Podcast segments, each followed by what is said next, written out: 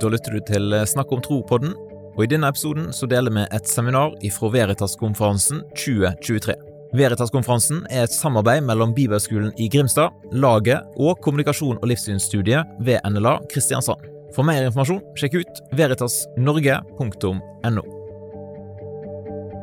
Ja, velkommen til eh, dette seminaret her, som heter Imagine Good News. Hvorfor er evangeliet gode nyheter? Og så eventuelt for ungdom, for det er det jeg har basert det på. Det var det jeg fikk i tittel. Men gøy. Eh, mitt navn er Sara Louise. Jeg jobber i laget til, dan, eh, til daglig i Bergen, i Region Vest. Og der driver jeg masse med Grillen kristen. Reiser rundt og taler en del på ungdomsarbeid og følger opp skolelag. Så det er det jeg gjør, og jobber masse med tematikken og syns det er så viktig.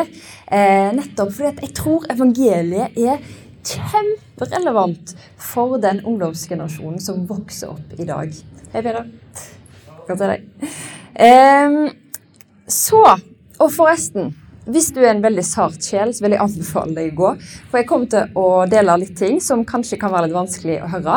Så bare trigger warning, eh, så vet dere det på forhånd. Uh, yes. Men krass ut for å liksom se hvorfor er evangeliet relevant for ungdommer i dag, så tror jeg det er viktig å se litt på hva er det som rører seg i ungdomskulturen i 2023. Det, nettopp det skal vi se litt videre på i dag. Først av alt så er jo Er det noen som har sosiale medier her? Ja, en som ikke har, eller? Du har, ok. De fleste av oss har liksom en smartphone, eller Facebook iallfall. De har sosiale medier, er vant til å bruke det. Bruker kanskje ganske mye tid på det. Eh, og eh, sosiale medier Herlighet, denne ledningen var litt morsom. Beklager. Eh, for eh, I fjor ble det gjort en undersøkelse for ungdom mellom 13 og 18 år, der de fant ut at ungdommer bruker gjennomsnittlig 6-8 timer dagen pluss det de gjør på skolen, på dataene og mobiler. og sånt. Så de bruker altså, altså nærmere Det kan bli opptil ti timer dagen bruker ungdom i dag på sosiale medier. Eh, og de mest liksom, vanlige eh, appene TikTok og Snapchat og alle disse. Jeg har jo absolutt alt, jeg òg, så jeg er ikke noe bedre enn de, for å si det mildt. Men det vi òg ser, er at ungdommer leser ikke lenger nyhetene og ser på nyheten Dagsrevyen klokka 19. Alle nyhetene de får med seg, får de gjennom Instagram, Snapchat, TikTok, og blir på mange måter styrt av algoritmen til ungdommene. Eh, og det vi ser, er at på mange måter så er ungdommer like Eller de har mulighet til å ha kontakt med hverandre mer enn noen gang i historien. Men på mange måter så er de òg mer ensomme i dag enn de noen gang har vært. Så dette her med sosiale medier og ensomhet er en stor ting. Og det er ikke noe som bare påvirker oss mentalt lenger, men det påvirker oss òg faktisk fysisk. Fordi ensomhet har blitt undersøkt at er faktisk mer skadelig det å kjenne på dyp ensomhet, mer skadelig enn å røyke en pakke sigaretter til dagen. Altså Det er stress for kroppen. Det påvirker deg både mentalt og fysisk. I Bibelen, i ordspråkene 40, nei, 4, vers 23, så står det 'Bevar ditt hjerte fremfor alt bevarer, for livet utgår fra det'. Kanskje fikk du det bibelverset på et konfirmasjonskort fra din tante når du konfirmerte deg. Det gjorde jeg for deg. Jeg tror jeg fikk sånn fem stykk som skrev det på mitt konfirmasjonskort. Um, og jeg tror det er en grunn for at vi nettopp gir dette her verset til våre ungdommer. Bevar ditt hjerte fremfor alt du bevarer, for livet utgår fra det.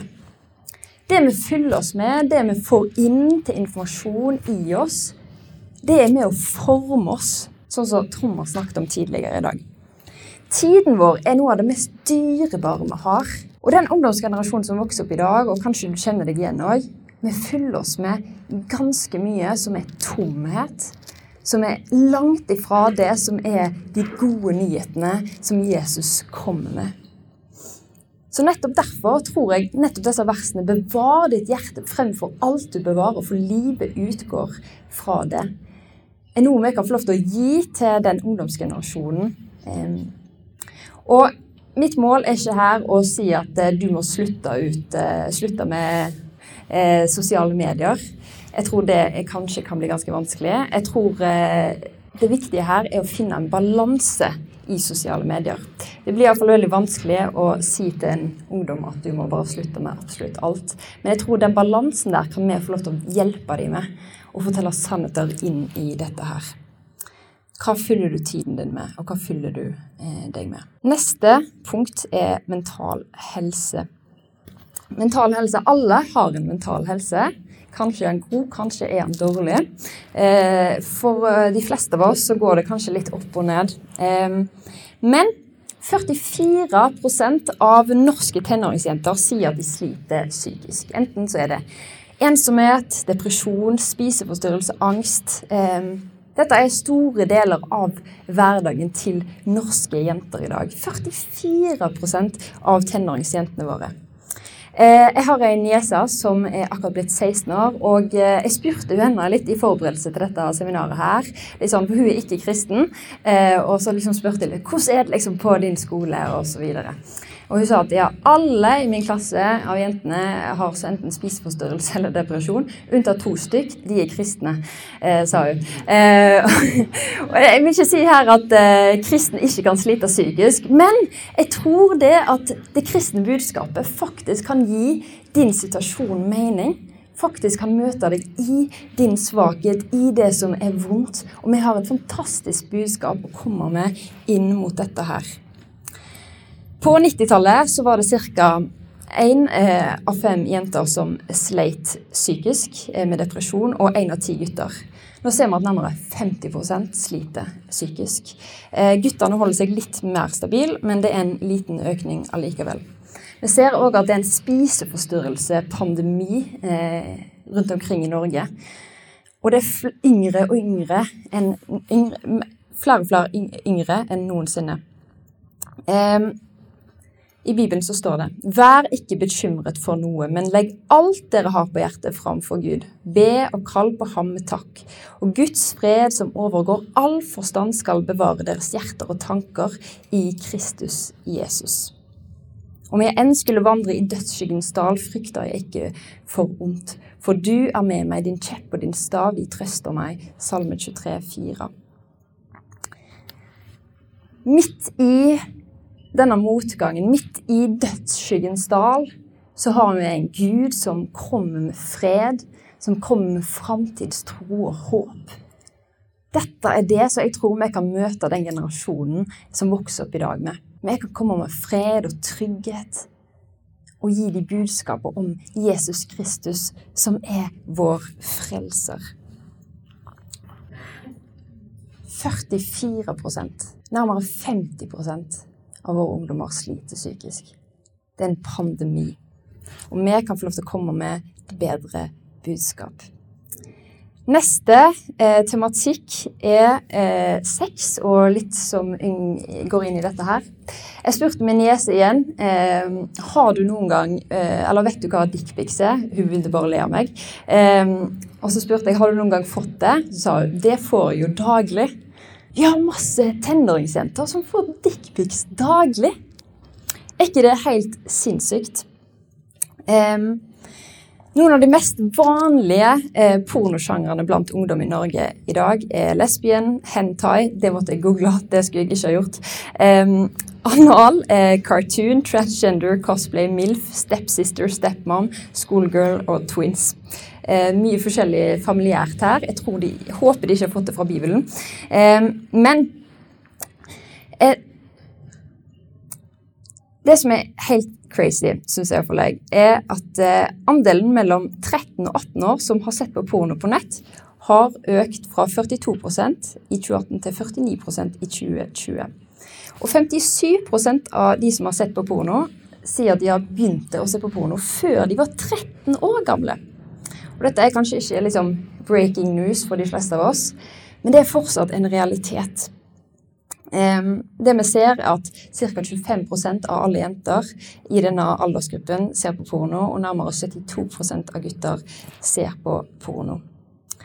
Nærmere 15-20% av barn mellom 8 og 15 år har sendt nakenbilder av seg sjøl på internett dette er mest sannsynligvis de ungdommene vi har i våre kirker. lillesøstrene våre, tantebarna våre, barna våre. Klassen til de eh, barna vi kjenner.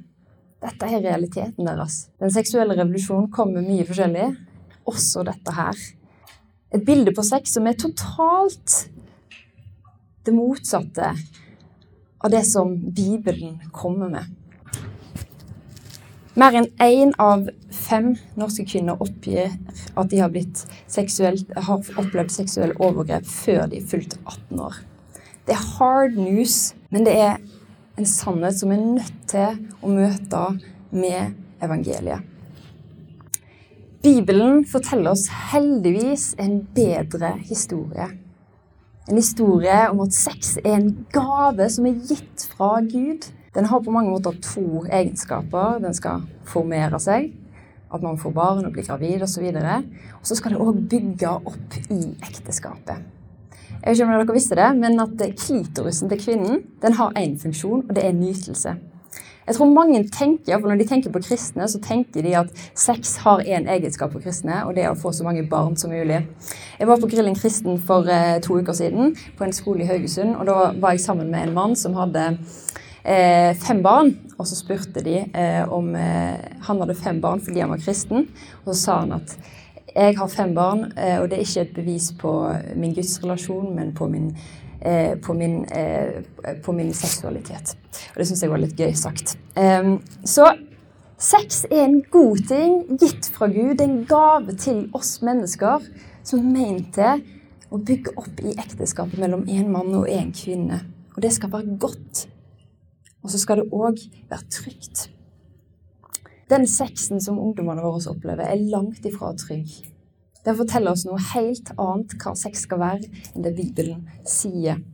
Evangeliet passer så vidunderlig inn her. Jesus brukte masse tid med både prostituerte, folk som var grepet i hor. og En av mine favorittfortellinger er om kvinnen som ble grepet i hor, og disse folkene her som ville steine henne.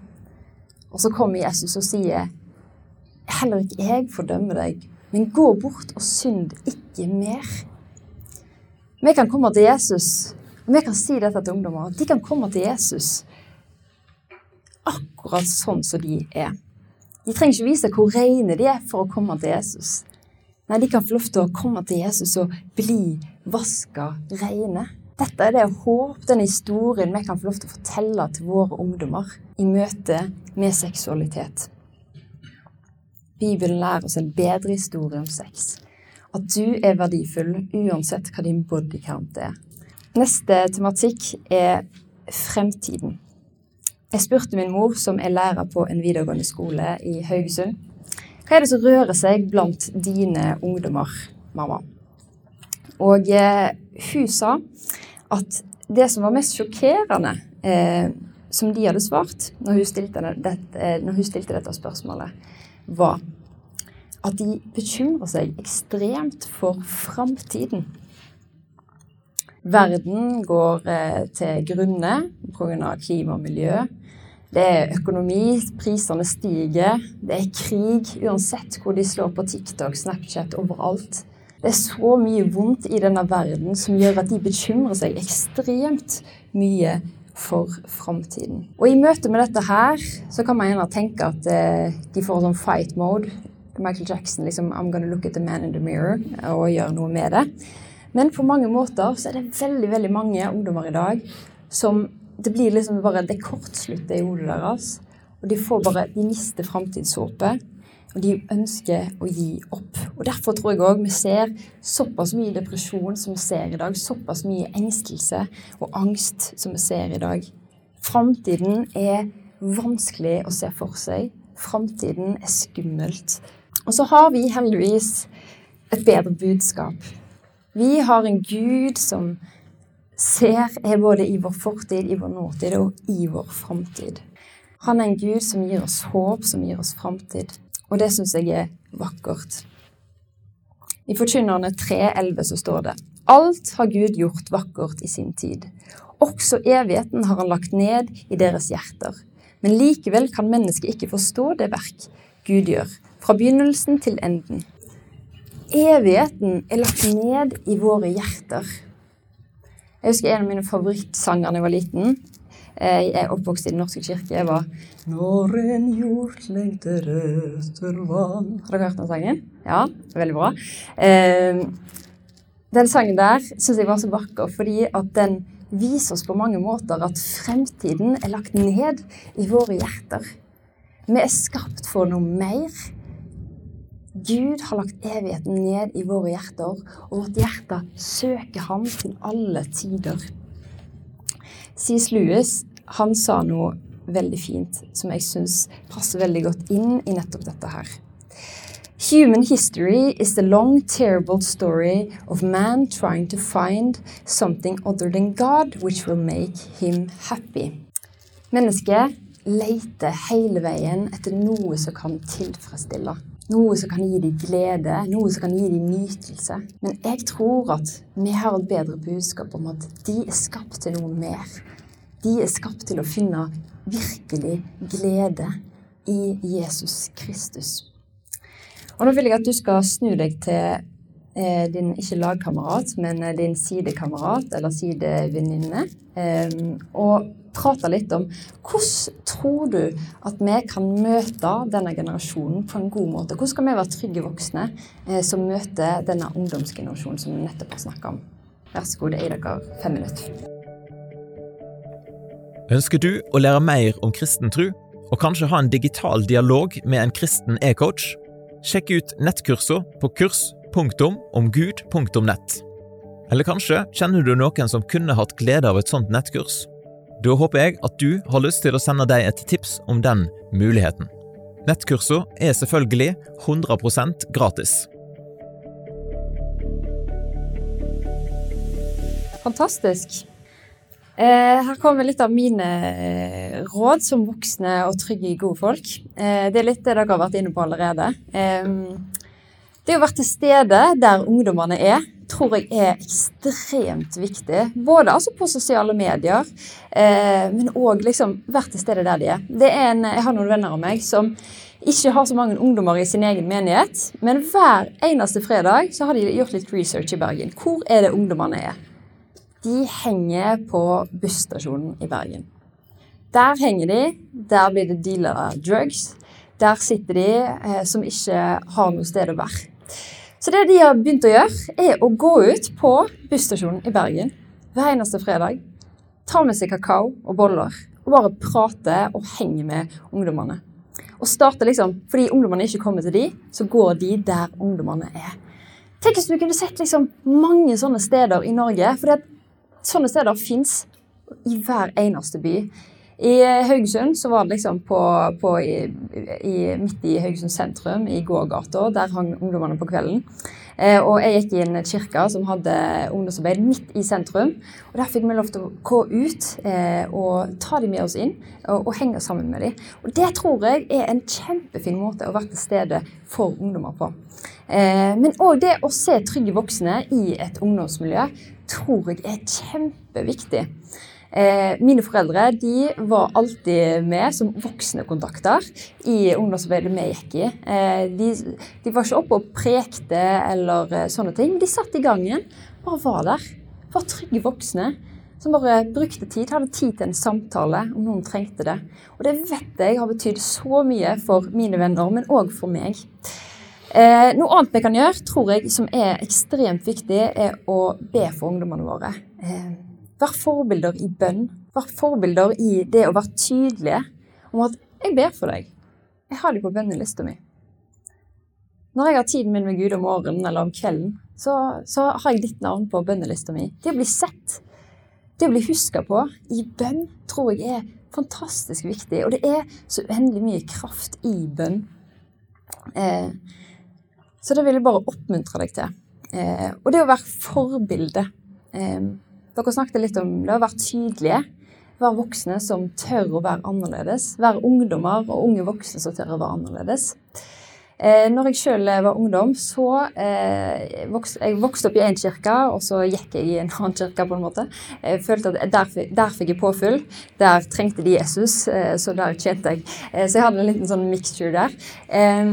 Men det som jeg savna veldig, var voksne ledere, eller eh, måte, unge ledere, som leste Bibelen sammen med meg. Jeg reflekterte over det for eh, noen år siden.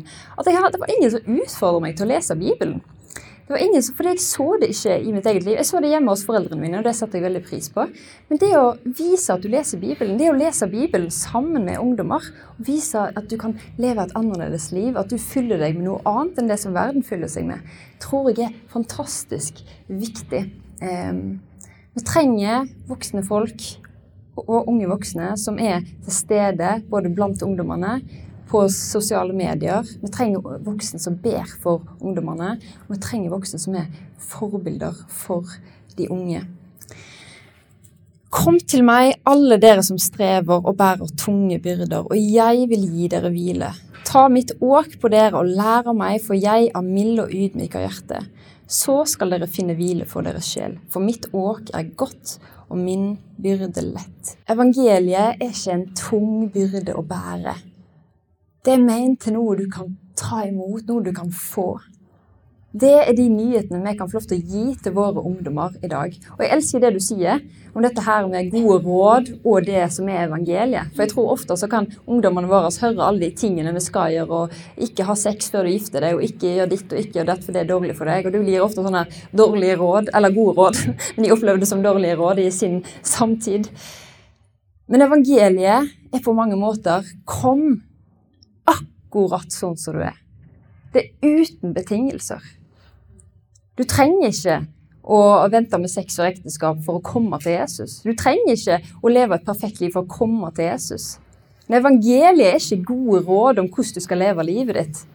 God evangeliet er kom akkurat sånn som du er. Kom med alle de byrdene du har. Og når jeg reiser mye rundt på Grillen kristen, så opplever jeg at veldig mange ungdommer Jeg står her og framme og forklarer, prøver å forklare så godt jeg kan på alle de spørsmålene de har. Så sitter de igjen med liksom, på slutten av timen noen ganger på sånn der Men jeg har jo hatt sex for ekteskap. Jeg, jeg, er jo lesbisk. Jeg er jo dette her. Så det du sier, er jo ikke for meg. Evangeliet er dette er 100% for deg. Evangeliet er absolutt for deg. Du trenger ikke å vaske deg ren for å komme til Jesus, fordi Jesus vasker deg ren når du kommer til ham. Og det er de gode nyhetene vi kan få lov til å komme til våre ungdommer med. Og det er så viktig, for vi har en generasjon som sulter og lengter etter nettopp dette her. Og mine foreldre ga meg mange gode råd. Men én ting jeg sitter virkelig igjen med, Eh, nå var ikke jeg veldig pøbelungdom i det hele tatt, men eh, jeg røykte litt eh, og sånt. Når ikke mamma og pappa visste det, bare litt på trass.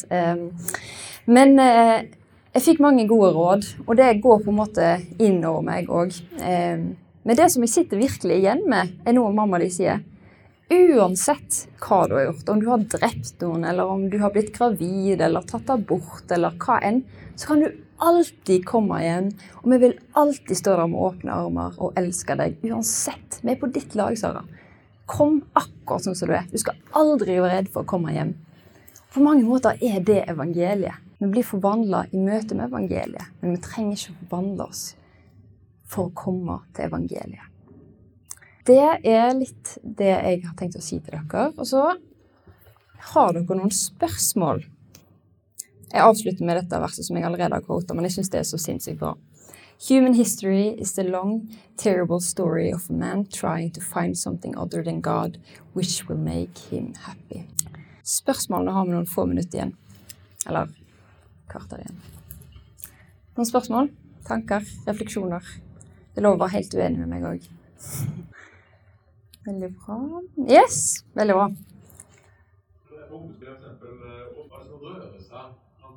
Hva er det som rører seg på ungdomsskolen? Hva er de opptatt av? Eh, ekstremt mange av de eh, bruker TikTok og er timevis på TikTok hver eneste dag. Det er noe som rører seg eh, blant de unge. TikTok er spesielt veldig stor på ungdomsskolen eh, og på videregående, men spesielt på ungdomsskolen. Snapchat er måten de kommuniserer på. Eh, de har gjerne altså, tusenvis av venner på TikTok, nei, på Snapchat. Eh, det er på en måte, Jeg har familiegruppa mi på Snapchat, som jeg, eh, det, er min, det er det jeg snapper, liksom. Men de har liksom all kommunikasjon på Snapchat. Jeg har styremøter eh, i laget som er på Snapchat. Jeg er liksom, Det er der de kommuniserer.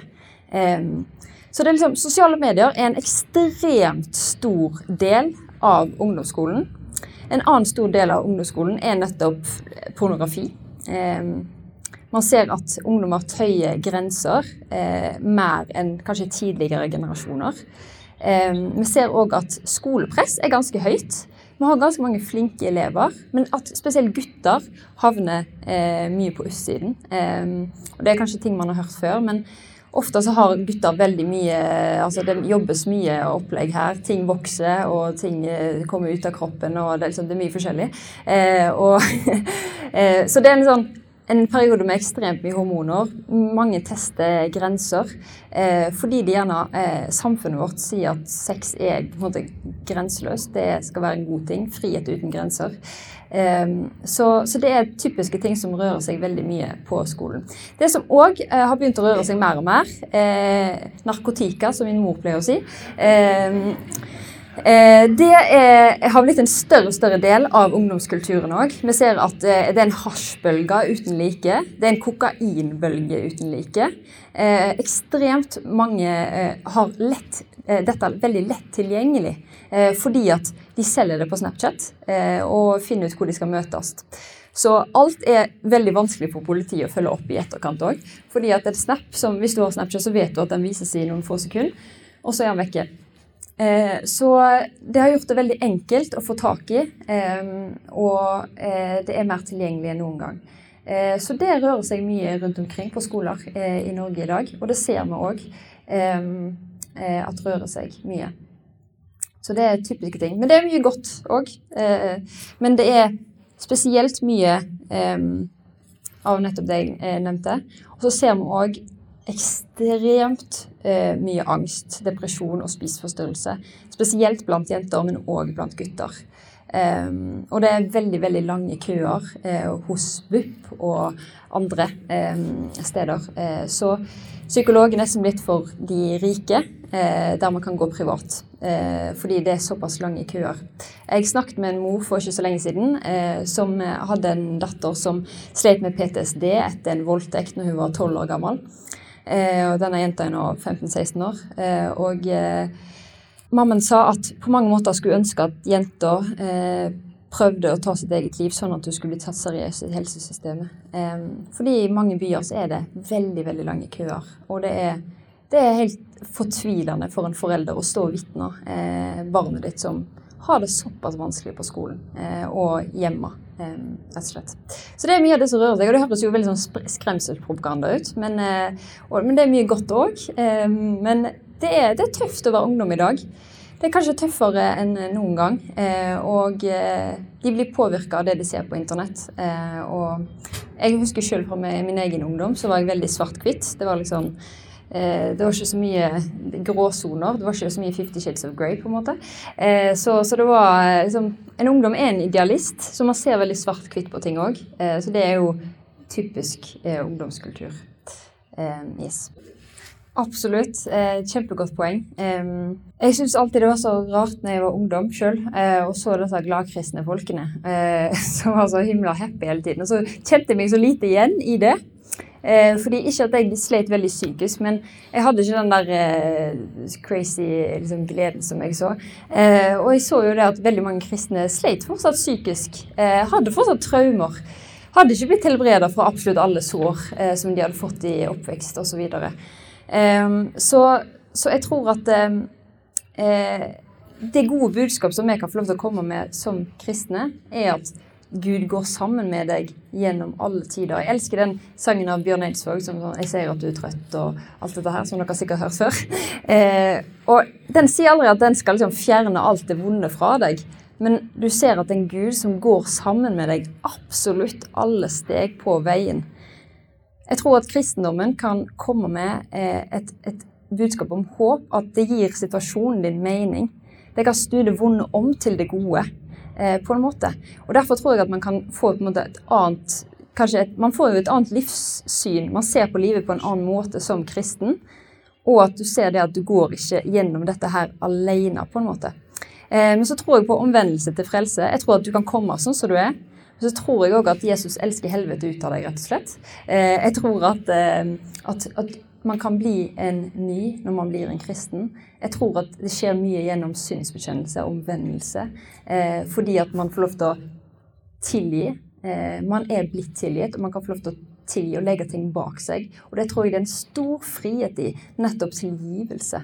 Eh, fordi at vi har blitt tilgitt, og derfor kan vi tilgi andre. Og det er en stor frihet i det, men vi kan òg tilgi ting i oss sjøl. Eh, som jeg tror er en veldig fin ting å gi til den ungdomsgenerasjonen eh, som vi har. Så jeg tror de gode nyhetene påvirker oss på mange ulike måter. Men jeg tror ikke det at det nødvendigvis tar oss ut av situasjonen, men det kan gi situasjonen din en ny mening. på en måte. Så det tror jeg er et budskap som, som virkelig ungdommene trenger. Men jeg tror fortsatt at man kan stå i dødsskyggens dal selv om man er en kristen. Og Derfor ser man jo gjennom hele bibelhistorien òg at det var ikke sånn at eh, jødene eller israelsfolket bare hadde det godt. på en måte. Eh, nei, men de hadde en gud som var tålmodig med dem, og som, som elska dem på tross av alt de fant på. Um, og det syns jeg er veldig, veldig godt å vite. Men så tror jeg at man skal legge ting bak seg, at Gud forvandler i frelsen. Mm. Var det litt svar på spørsmålet ditt? Ikke? Ja. Veldig gøy. Spørsmål der? Åh, oh, Kjempebra spørsmål. Eh, det vi ser nå, er at vi har en generasjon som ikke leser Bibelen nesten i det hele tatt. Eh, kanskje litt i NLM, men that's it. Nei da. Eh, men vi ser en generasjon som leser ekstremt lite Bibel. Eh, de har egentlig Bibelen mer tilgjengelig nå enn noen gang, for de har den på mobilen sin, New Version. Og Der får de opp gjerne dagens bibelvers. Men vi ser en ungdomsgenerasjon som ikke leser Bibelen. Tidligere generasjoner så har de jo fått opplæring på skolen, gjerne. Eh, man, eh, de fleste gikk på søndagsskolen. altså Foreldrene til de fleste liksom, har gått på søndagsskolen. Eh, men nå ser vi en generasjon som ikke har gått på søndagsskolen. Som trodde liksom det var, var harepussen som døde på et kors, på en måte. sant? Så vi, vi, har en generasjon som, som ikke leser Bibelen nesten i det hele tatt. Så det å ta det med i ungdomsgruppene våre ha bibellesning i ungdomsmiljøene våre tror jeg er så sinnssykt viktig. Ha bibelleseplaner. Det å vise at man leser Bibel eh, som voksen, tror jeg er kjempeviktig. Men òg å få med ungdommene på det, det tror jeg virkelig er en nøkkel.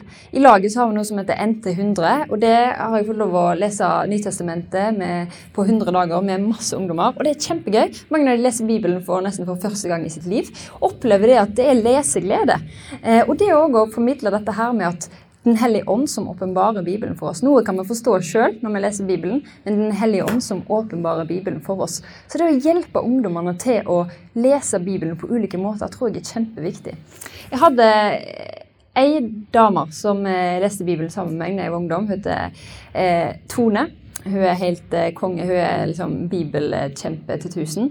Eh, og hun, hun, la litt merke til dette her at eh, ungdommene våre leser jo ikke Bibelen i det hele tatt. Så hun inviterte Hun er jo rundt 50 år gammel dame, og jeg var jo 15-16 år. Så hun inviterte oss til å lese Bibelen sammen. Da vi bare satt og leste Bibelen, så fikk vi lov å stille spørsmål. Kjempefint! Er fantastisk. Fordi at dere som voksne har kanskje lest en del Bibel.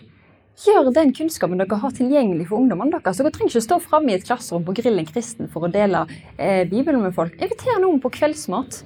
De kan få lov til å stille spørsmål til en voksen person som kanskje ikke er foreldrene dine. Nå er tiden der, vet du. Eh, ja, ett minutt igjen. Eh, så vær frimodig, altså. Inviter folk med seg. Vis at du leser Bibelen eh, i kirka eller på leir eller hva enn det skulle være. Eh, og det tror jeg virkelig betyr en forskjell eh, for ungdommene. Yes, tusen takk for meg. Eh, takk for at dere var her, og takk for de gode spørsmålene dere har stilt. Veldig bra.